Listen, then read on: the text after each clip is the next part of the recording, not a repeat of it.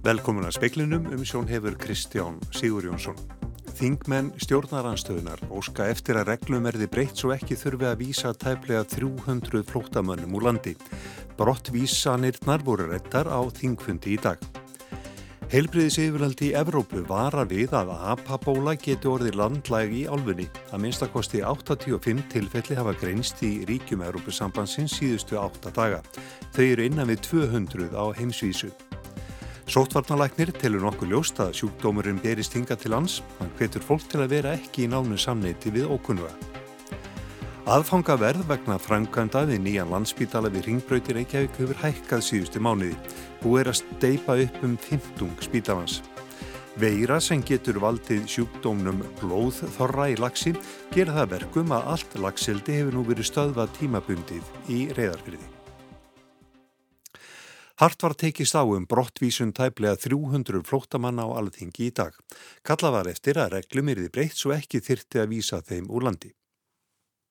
Myndu við sjálf vilja láta senda okkur út á Guð og gattin í Gríklandi þar sem sáralitla aðstóð er að fá? Myndu við sjálf vilja að börnin okkar eruður rifin upp úr örugu umhverfi og sendi aðstæður þar sem að óöryggið er algjert og varla húsaskjóla hafa? Nei, við myndum ekki samþykja það. En hvers vegna í óskopunum eru við þá tilbúin til þess að senda annara manna börn og aðrar fjölskyldur í þar aðstæður sem við myndum aldrei sjálf? Flóttamannastefna ríkistjórnarinnar var harlega gaggrínd á þingfundi í dag og kölluðu þingmenn stjórnar andstöðunar brottvísunina meðal hana stærstu og ógeðfeldustu fjölda brottvísun Íslandsögunar. Kalla verði því að lögum og reglum erði breytt svo ekki þyrta vísur landi fólki sem hefði fest niður rætur hér á landi. Ráðherrar svöruðu fullum hálsi og sögðu að innflytjandamál hér á landi var í talsvert betra lægi en annar staðar í Evrópu. Brottvísunin var í samræmið við reglur og ef alþingi vildi breyta verklægi í útlendingamálum þyrti alþingi að breyta reglunum. Og svo umræða sem að hér hefur verið í dag, hún hefur gengið út á það að hér sé rekin en harðasta útlendingastöfna á Norðurlöndum og jafnvel þó víða sér leitað. Og þá spyr ég mig, hvers vegna er það sem að Íslendingar hafa núna síðan árið 2018 og þá minni ég á þá staðreind að Katrín Jakobsdóttir tók við sem fórsætisráð fyrir árið 2017 að þá höfum við í síð auknum mæli tekið á móti fleira og fleira fólki. Þannig að alþingi getur vissulega breytt þessu, alþingi sett okkur reglur, eftir þeim erum við að vinna í öllu ferlinu og það er þá alþingi að breyta þeim ef að það vil við hafa önnur vinnubröð. Þetta var frá alþingi. Við heyrðum þarna í Jóni Gunnarsinni dómsmálaráþra, áður heyrðist í Guðmundi Inga Guðbrandsinni félagsmálaráþra og Sigmari Þingmanni Viðreysnar. Pétur Magnússon tók saman. Alls hafa 56 staðfest tilfelli ababólu verið greint í Breitlandi síðust daga og á nýjunda tög í löndum Európusambansins. Helbriðis yfirvöldi Európu vara við að sjúkdómurinn geti orði landlægur í álfinni verði ekki gripið til viðegandi rástafana. Að sakn Skæ sjónvarpsfrettastöðvarinnar voru 36 ný smitt greint í Breitlandi í dag þar af eitt í Skotlandi. Þá eru staðfest smitt í nýju ESB-ríkjum orðin hátt í 90. Helbriðis yfir völd mælast til þess að fólk eh, sem greinist fari í sóttkví í þrjár veikur. Breska stjórnin hefur pantað nokkur þúsund skamta af bóluefni gegn bólusótt sem á að gefa all góða vörn gegn apabólunni. Að sögn sérfræðinga sóttvarnastofnunar Evrópu eru sjúkdómsenkennin mild. Smittin eru engum sögð vera meðal samkynnegra og tvíkynnegra karlmanna. Andrea Ammon, forstjóristofnunarinnar, segir að hættan á smittis í engun meðal þeirra sem eiga marga rekkjunauta og stunda óábyrgt kynlíf. Alþjóða helbriðustofnunin segir að tilfelli staðfestra og óstaðfestra smita séu enn innan við 200. Þar á bæi er ástandið talið vera vel viðráðanlegt. Ekkert séð því til fyrirstöðu að stöðva smitt manna á milli í löndum þar sem sjúkdómurinn er ekki landlægur. Það er að segja í Níkerju, Kamerún, Mið-Afriku, Liðveldinu og Östur Kongo. Þar hafi apabólan verið þekkt síðastliðin 40 ár eða svo. Ásker Tómasson saði frá og rétt að geta þess að í umræðum á alþingi áðand af heyrðist í Sigmari Guðmundsinni, þingmanni Viristar. Þórólfur Guðnason, sóttvatanleiknir, segjur nokkuð ljóst að apabóla í eftir að berast hinga til lands. Fyrsta tilfelli greindist í Danmörku í dag. Þórólfur hvetur fólk til að vera ekki í nánu samneiti við okkunuða. Þórólfur segir að tilfelli apabólunar sé að aukast í mörgum löndum. Að minnstakosti 60 einstaklingar hafa greinst í Evrópu og líklega bætast fleiri við á næstu dögum. Maður verður að líta svo á að þetta getur búið slingað með fólki sem er að koma frá löndum uh, þar sem að síkingin er og uh, muni geta greinst hér. Ég held að það sé nokkuð ljóst að það, við þurfum að vera við því búin að það geti gerst. Sjúkdómurinn smitast aðalega við mjög náið samneiti millir fólks.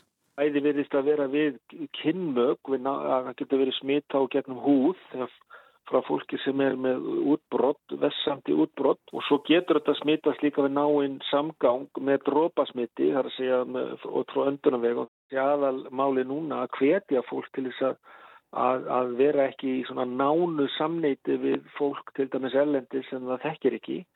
Og fara varlega í samband í kynlífi og uh, þetta getur virðist geta blossað upp sérstaklega við, við ýmsar aðstæður sem að fólk hefur verið að koma sér í sambandi við kynlíf.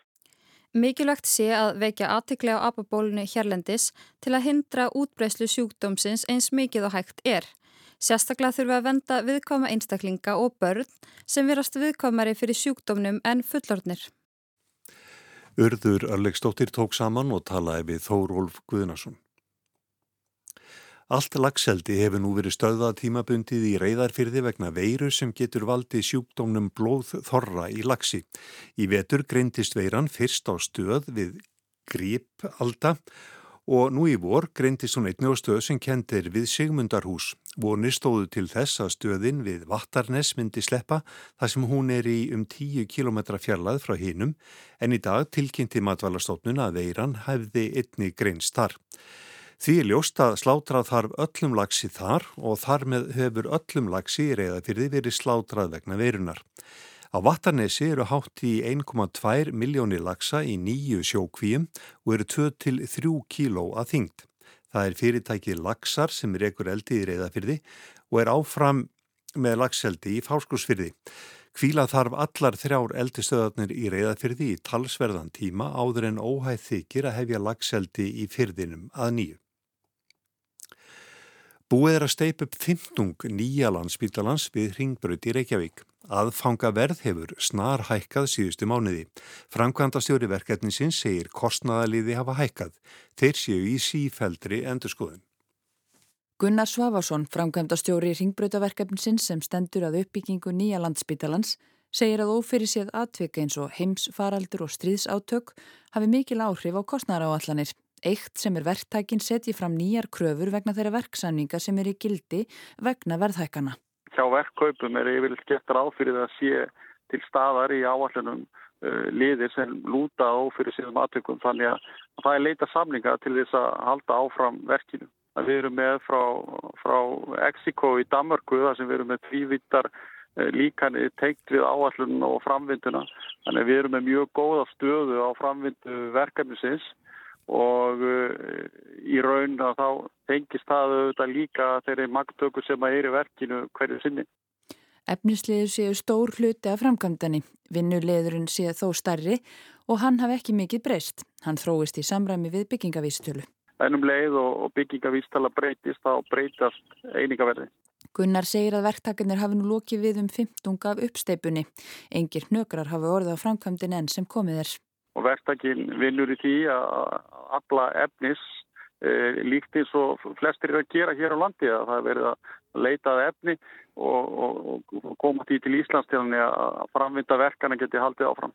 Mín skoðun er svo að, að e, bæði samtöku einaðarins e, og um leið bara allir sem er að byrkja, byrkja verkkaupar og aðrir þeir geti haft uh, vissulega áhyggjur á stöðinu en en það má líka segja það að við höfum séð svona sviðsmyndir koma upp áður e, bæði í Evrópu og í heiminum og oftar en ekki að þá eru þessar sveiflur sem að verða, það er, það er jafna sig til lengri tíma, þannig að við skulum vona að það gerist í, í þessu tilfelli.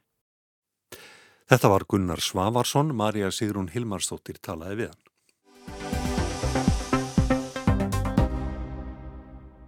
Rúm vika í liðin síðan úrsliturðu kunni í borgarstjórnarkostningunum í Reykjavík. Meiri hluti samfélkingar, pírata, viðreysnar og vinstri grætna fjell. Misti tvo borgarfylltrúa. Sjálfstæðisflokkur sem er í minnuluta er stæsti flokku borgarinnar en tapaði einhvað síður tveimur borgarfulltrúum. Framsóknarflokkurinn undir fórustu Einars Þorstinssonar mann hins verið góðan sigur og fekk fjóra borgarfulltrúa. Það er því litið til hans að mynda meirulhuta annarkort til hægri og vinstri. Samfylking, píratar og viðreist hafa myndað blokk með nýju borgarfulltrúum og vilja mynda meirulhuta með framsókn.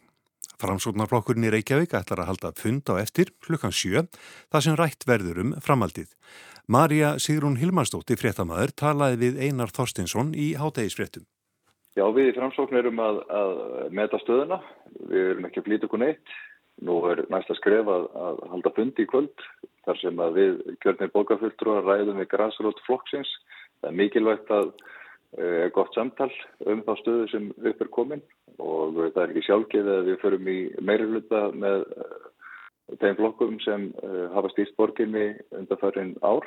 Við þurfum að meta stöðuna og ræða hana ofinskátt. Flestir flokkar töpuðu fylgi, bæði þeir sem stýra borginni og þeir sem voru í minnuluta á síðasta kjörtíðanbili. Framsókn fjekk mikið fylgi og hefur skýrt umbóð til þess að leiða breytingar í borginni á næsta kjörtíðanbili sem er að hefjast og uh, okkar trúnaður eru kjósendur uh, og við munum stíga þau skref sem þarf til þess að tryggja það að hér verði knúið á um breytingar næstu fjögur ári. Lýst ykkur betur á það að mynda meiri hluta þá með þessum fallna meiri hluta heldur en kannski reynilega að sitja bara hjá og vera í minni hluta í næstu borgastjórn? Mm, þetta er nú bara eina af þeim spurningum sem við þurfum að ræða í kvöld. Ég áttum á því að þetta er uh, allt saman politísti viðkvæmt og uh, við þurfum bara að meta stöðuna. Um framaldið, þetta er samráðsfundur og það er mikilvægt að, að hans sé uh, fáið eða þessi stað. Eva Marín Lindstóttir, stjórnmálafræðingur og profesor við Háskóla Íslands segir óvinnilegt að svo langur tími líði frá kostningum í borginni þar til formlegar viðræður um meira hlutamyndun hefjist. Já, þetta er, þetta er nokkuð óvinnilegt sko því að við erum kannski vönd því að, að meira hluti sín og mynda er nokkur meiri hraða heldur en við erum að sjá núna en auðvitað hefur það eitthvað að segja að við erum komin með, þess að eru 23 í borgstjórn en voru 15 náttúrulega fyrir hérna, já, þar síðustu kostningum og, og þá náttúrulega verða meiri hluta viðræðina sko, það er verða miklu flóknari. En, en það er vissulega einhvers konar spurning hvort maður er að kalla það pattstöðu eða hvað en það er allavega virðist vera að myndast þannig einhvers konar svona staða þar sem það er einhverja blokkir að myndast og, og þá er svona spurning hvernig þetta fer Nú er fransnárlokkurinn með fund, ég reynilega bara á eftir þar sem að Einar Þorstinsson, oddviti flokksins, segist alltaf að ræða við grashrótina í flokknum. Hvað kemur út úr þeim fundi? Já, ég held nú að, að það komi nú einhver niðurstöða sko, en, en hvort að það, sko, við getum náttúrulega gert ráð fyrir því að það verði einhvers konar meiri hluta viðræður í hvora áttunum sem það verður og, og maður kannski hallast nú kannski að því að það verði svona eitthvað allavega að byrja að ræða við þessa blokk sem verðist nú vera búin að myndast þarna af fyrri hérna, flokkun sem voru í meiri hluta en hvort að það verði síðan niðurstaðan, við vitum það ekki. En, en sko, held að viðræðuna séu kannski alltaf byrjunin. Það, það hafi bara ekki verið neina viðræður ekki neina svona allavega sem að við höfum eitthvað sérstaklega orðið vörfið mm. Heldur að einari finnist hann uh, vera þvingaður í þessar viðræður af þessari blokk sem að mynduð var þá hjá viðreist, samfélkingu og pýrötum Ég veit nú kannski ekki hvort það er að þessi að þvingaður en, en það er náttúrulega vissulega búið að setja þér svolítið sko einhverja skorður vegna þess að við vitum það að hann getur ekki, þessi, það er ekki hægt að mynda meirulöta með þeim flokkum sem standa fyrir utan blokkina, það verður einhver af þeim að, að vera með sko. Þannig að, að auðvitað er náttúrulega búið að svona segja sko það er búið að svona íta þess í einhver ákveðnir áttir en, en svo veit maður það nú í, í pólitíkinni að, að það getur nú margt breyst. Er þessi blokkamyndinu, er hún óvinnileg? Ég veit ekki hvort hún er endilega óvinnileg. Hún er náttúrulega vissulega óvinnileg kannski í borginni. Um, en það, er, það ræðist náttúrulega kannski bara af því að, að það var og það er almennt kannski í sveitustjóknum á Íslandi. Er, það er tildulega einfalt að mynda meirulhetta kannski bara með tveimu flokkum. Það eru yfirleitt það smáar að það, það fara bara ekki það margir meir hérna, flokkar inn í inn í sveitistjóðunar og, og borgin hefur náttúrulega verið þannig en með þessum að vera kval með 23 fullur og þá verður þetta flóknara. Er það til góðs eða ekki? Já, það er náttúrulega spurningi vegna þess að auðvitað hefur þetta náttúrulega það, sko, við getum litið á það að, að hérna, þetta verður til þess að það endur speklast fleiri sjónarmið. Uh, við höfum líka talað um það til dæmis að það verður þá með því að vera með fleiri möguleika þá náttúrulega fallandum ekki eins mörg aðkvæði döð. Um, það er eitt þátturinn í þessu. Um, hinn þátturinn náttúrulega að þetta eigur vissulega flækjustíð, þetta eigur það að það verður erfiðar að mynda meiri hluta og þú þart að beita kannski svona annars konar um, pólitík getur við sagt heldur við kannski höfum átt að vennjast í sveitastöð, á sveitastöðstíðinu á Íslandi. Lýraðið er flókið? Já, það er kannski bara ágætist loka orð. Sagði Eva Marín Linsdóttir.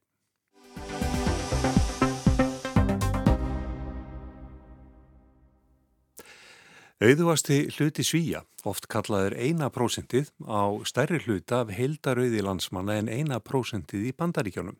Rúmlega 500 ríkustu svíjarnir eiga jafnmikið og 80% landsmanna. Þótt fátækt í svíþjóð sé með því minsta sem þekkist er að sumuleiti mikil og vaksandi efnaðsleg miskipting í svíþjóð.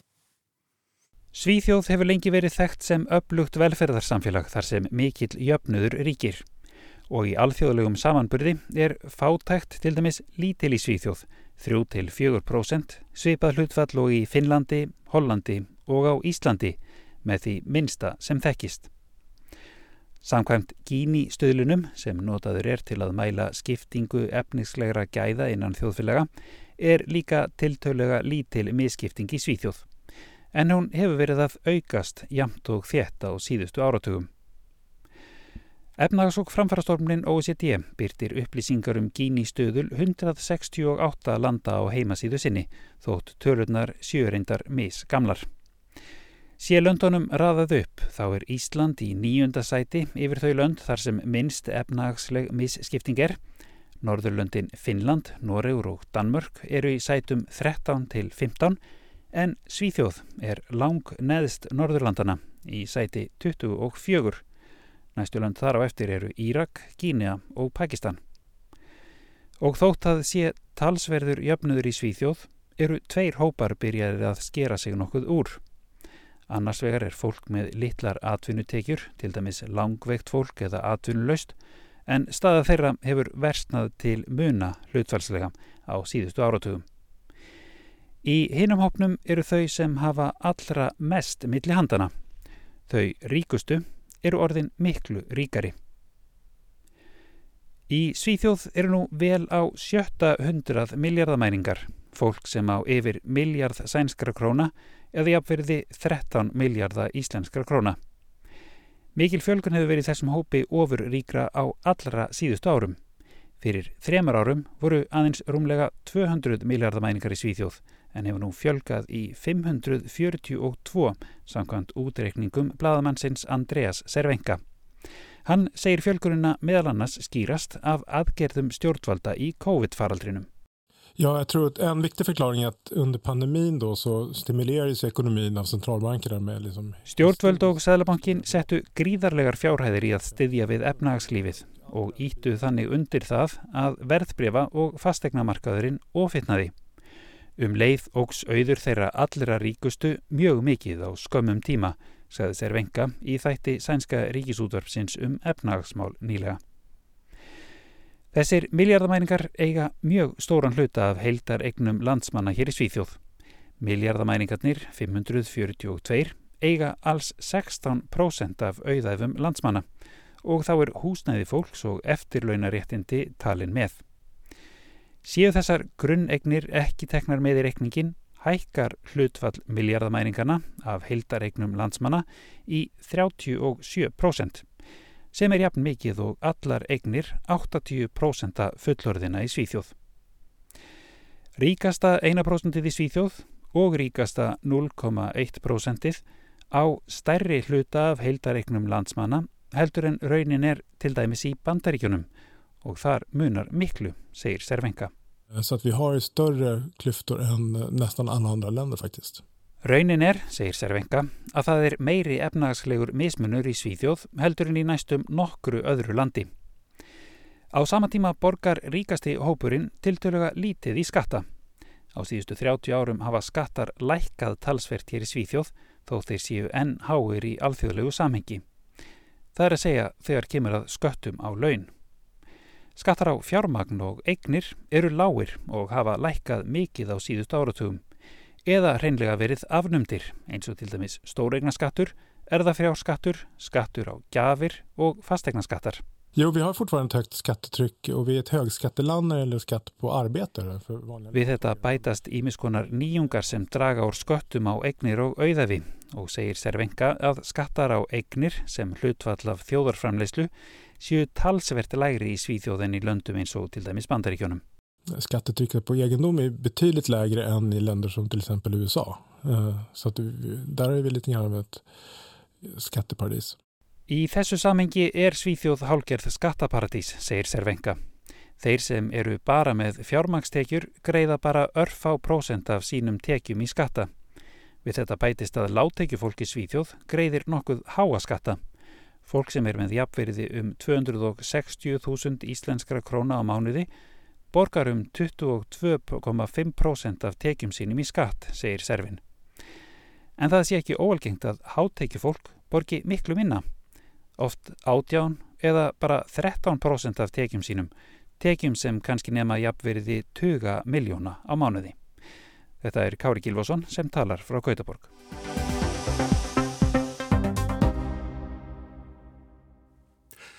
Það er óætt að segja að íslenskur smásölu markaður hafi titrað fyrir 7-8 árum þegar fréttist að alþjóðlega vestlunarkæðjan Costco sem uppbrunni er í bandaríkjónum, heiðist opna stóruveslun hér á landi og almenningur beði spentur.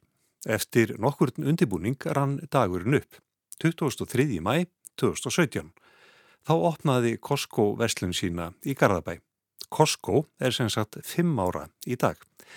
Marki spáðu að Costco myndi gjörbreyta smásölu veslun á Íslandi, vöruverð myndi lækka til muna, samkeppni harna og rótgrúnar búðir færi að fylga á hausin. En hvað hefur gerst? Már Volgang Miksa, hagfræðingur og lektor við Háskólinni Reykjavík, samti á samt fleirum skýslum fyrirhugð áhrif Costco á markaðin Hjörlandi áður en vestlunum opnaði og hefur fylst með þróun mála undan farin fimm ár. Menn brúðust misvel við, ef svo mætti orði komast. Þetta virtist koma ákveðna smásölu aðila í gjössali í opnasköldu og uh, ákveðinir hópar byggust ekki við þessu miklu áhrifum. Aðri voru betur undirbúnir og höfðu því marka stefnu um að lækka vöruverð sérstaklega á þeim vörum sem að Costco voru að bjóða á töluvert læra verði. Bara sem dæmi þá má nefna batteri að verð á batterinu hjá Costco, batteri er almennt að hafa svona sögulega séð verið með til að háa álækningu, svona sérvöru álækningu en Costco sem að eru með þá stefnu að vera með 15% álækningu á allar vöru sínar breytti þessu umhverfi þannig að í dag á Íslandi til dæmis fás batteri, gæða batteri á læra verði heldur en flestum Evrópulöndum í dag. Er svona, þetta er svona ágætt dæmi um það. Hvernig tók almenningur Costco? það er bara tölun að tala nú sínu máli. Um tíma var þriðjungur allra smásölu á Íslandi á þessum eina bletti í Garðabænum og þá voru dæmið það að fólk reynlega rúaði saman í bíla til þess að fara sérferð langa leiðir til að kaupa vörur í Costco. Margir líti á þetta sem nokkur skonar, hérna, það væri nokkur skonar bjargvættur í þessum málum. Ég skrifaði grein á Sant Kristínu Lofstóttur um þetta að almennt þá eru litið hortnögu til komu svona alþjóða fyrirtækja en Costco var í augum margra minnskosti tímabundið eins og nokkur skona bjargvættur í þessum efnum og margir hverjir sóra þeim myndu einugisvesli Costco þar sem þeir ættu eftir ólifað ég held að það hafi nú ekki alveg gengið eftir en það er kannski líka því að íslensk fyrirtæki aðlögu sig að verðunum í Costco einfallt dæmi er það að íbúar í Hafnafyrði og Garðabær þeir njóta mjög góðs af þessu því að bensínverð í kringum Costco er töluvert larra en á öðrum stöðum á Íslandi. En hafa þessi áhrif haldist, nú eru fimm á liðin síðan að þessi keðja kom hinga til hans? Áhrifin eru alls ekki jafn sínilega í dag og þau voru þá. Sum fyrirtæki höfðu lækka verð sín svona til þess að, og það má kannski segja að Costco sé svona ákveðn öryggisvendill á frekari verðhækkunum þar sem að þessi stefna er stuðut í gangi hjá þeim eins og ég sagði á það. Það er 15% álægning og íslenski neytendur hafa fengið lærra vöruverð ákveðnum vörum með tilkomi Costco. Þetta er ekkert jafn augljóst og áður var en ég myndi telja ef að Costco hirfi hérðan á brott það myndi opna dyrnar á verðhækkunum á ákveðnu vörum. Þó svo að ég er ekki það með að segja að hér sé ekki samkeppni í gangi. Þú talar um að áhrifin hafi kannski mingað. Er þetta of stórt í sniðum? Er innkaupin of stór fyrir hinn almenna Íslanding? Það er mjög breytilegt eftir fjölskyldum. Ég held að svona flesti sem að hlusta á þetta viti vel að þú ferð ekkert í Costco til að kaupa 1 lítra mjölk og halvan lítra rjóma. Þetta er allt selt í stórum einingum, stórum og eða mörgum einingum. Þannig að markhópurinn er greinilega stóra fjölskyldur þar sem að klósettpappir, eldúsrúlur, blegjur og annað slíkt fer út með miklu hraða. Það má segja að svari við þessari spurningu er síðan okkur lagskipt miða við stærð heimila og uppsetningu þeirra en það sem að skiptir líka máli er bara hvers konar vörur er verið að kaupa. Þeir selja staðlagar vörur, ljós og annað slíkt sem eru tölvert ódýrari heldur en fæst á mörgum öðrum stöðum en á móti kemur að þá ertu kannski að fórna ákveðinu svona persónuleika því að það er ekkert mikið úrval hjá Costco og hérna og suma vörur er kannski ekkert henduar mörgum hópu. Ef lítur yfir stóru myndina, þú gerðir þarna rannsókn á því hvaða áhrif þessi keðja myndi hafa hér á landi. Hefur það gengið eftir og hafa viðbröðin verið eins og, og þú bjóst við? Já, ég var skýslu með prósent, prósent ráðgjöf unnum að við mikillir skýslu í undanfara komu Costco's til Íslands og það er alltaf bara hlægilegt hversu svo skýsla var sansbá, bæði hvað var þar sölu korta í Costco og áhrif hér á Íslandi. Það hefur í raun fátt komið óvart minnskosti frá okkar bæði eru séð. Við gerðum ráð fyrir að áhrifin er þau svona mest upphaflega. Ef eitthvað er þá hefur kannski komið okkur mest óvart hversu gríðarlega mikið sprengja var fyrstu vikur og mánuð. Það hefa bara Costco æði ríkjandi og það hefur svona dvína úr því og uh, þau skipti sem ég fer í Costco þá er nú ekkert brjálaðslega mikið að gera. Ég held að það búin að síni það að Íslensk máveruveslun hafi brúðist vel við tilkomu fyrirtækisins þannig að fyrir marga þá er verðmunum bara hreinlega ekki það mikill lengur að það borgi sig að vera að fara sérferð í Costco. Þetta var Már Volgang Miksa. Það var helst í speiklunum hjá okkur í kvölda þingmenn stjórnaranstöðunar óska eftir að reglum erið breytt svo ekki þurfi að vísa tæplega 300 flótamönnum úr landi. Brott vísanirnar voru rættar á þingfundi í dag. Heilbriði síðuvaldi Evrópu vara við að apabóla geti orðið landlægi álfunni. Að minnstakosti 85 tilfelli hafa grinst í ríkjum Európusambansins síðustu 8 daga. Sóttvarnanlæknir telur nokkuð ljóst að sjúkdómurinn berist hinga til hans. Hann hvetur fólk til að vera ekki í nánu samneiti við ókunnuga. Aðfanga verð vegna framkvæmda við nýjan landsbítala við Ringbröytir Reykjavík hefur hækkað síðustu mánuði búið er að steipa upp um 15 spítalans. Og veira sem getur valdið sjúkdónum blóðþorra í lagsi gera það verkum að allt lagseldi hefur nú verið stöðvað tímabundið í reyðafyrði. Veðurstofan gerir ráð fyrir breytilegri átt 3-8 metrum á sekundu og skúrum á sunnaverðu landinu í kvöld en úrkomu lítið norðan til. Suðlag eða breytileg átt á morgun 3-8 metrar á sekundu Víða skúrir og hiti 6-12 stig. Fleiri er ekki speklinum í kvöld, tæknimaður í útsendingu var Mark Eldred, veriði sæl.